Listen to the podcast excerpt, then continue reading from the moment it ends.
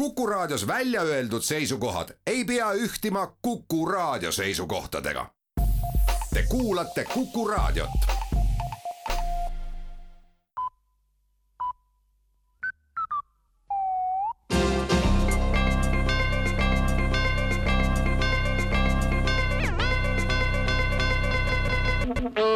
tere kuulajatele, uudistega eetris Rohke Debelak riigikogu hakkab homsest jagama matuseraha. täna saab esitada veel viimaseid ettepanekuid, igal saadikul on kasutada pisut vähem kui nelikümmend tuhat eurot, mille eest saab läbi viia ühe korraliku või mitu soliidset demokraatia matust.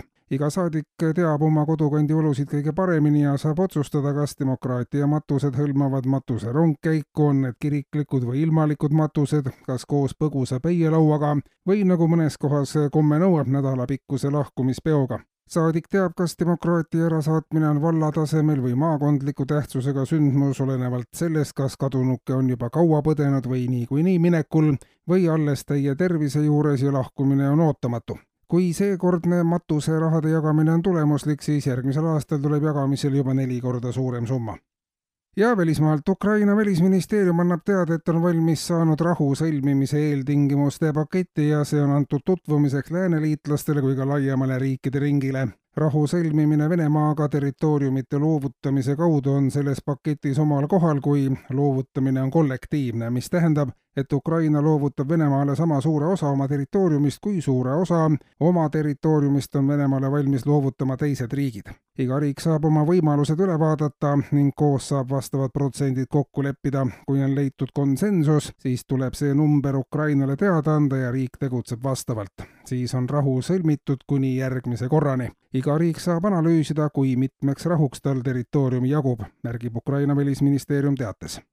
ja veel, Ukraina vastuvõtmine NATO-sse lükkub esialgu tõenäoliselt teadmata ajaks edasi, otsustati eilsel kohtumisel peamiseks põhjuseks on NATO standardid. praktika on viimaste kuude jooksul näidanud, et NATO ei vasta Ukraina standarditele ja alliansil seisab ees mitmekesine töö olukorra parandamiseks on liikmesriike, kelle standardid on vastavad, kuid tase on siiski erinev. esialgsete kalkulatsioonide kohaselt võib NATO tervikuna saada Ukraina kõlbulikuks viie kuni kuue aasta jooksul siseministeeriumi vastavad allüksused on aga üle vaadanud riigi kriisitagavarad ja hinnanud ka elanikkonna toidujulgeolekualast valmisolekut.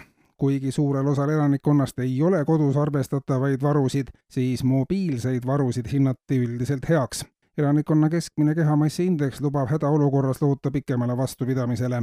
ülekaaluliste inimeste märkimisväärne osakaal elanikkonnas tähendab, et paljud inimesed kannavad oma kriisivaru kogu aeg kaasas ja uuendavad seda pidevalt ja on seega käitunud vastutustundlikult ja mõelnud tulevikule riik kutsubki inimesi varusid koguma ja mitte neid spordisaalides ja jooksuradadel kohe ära kulutama ja veel toidujulgeolekust, valitsus annab teada, et põllumajandustoetuste ühtlustamise teemalised läbirääkimised Brüsseliga on taas toonud tulemusi.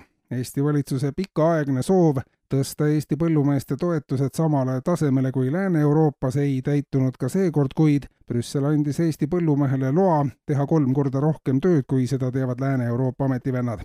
selline võimalus peaks väiksema toetusraha kuhjaga tagasi tegema ja andma isegi mõningase eelise kui meede ennast õigustab, võetakse Eesti põllumeestelt toetusraha üldse ära ja suunatakse maadesse, kus inimestel ei lubata nii palju tööd teha kui Eestis.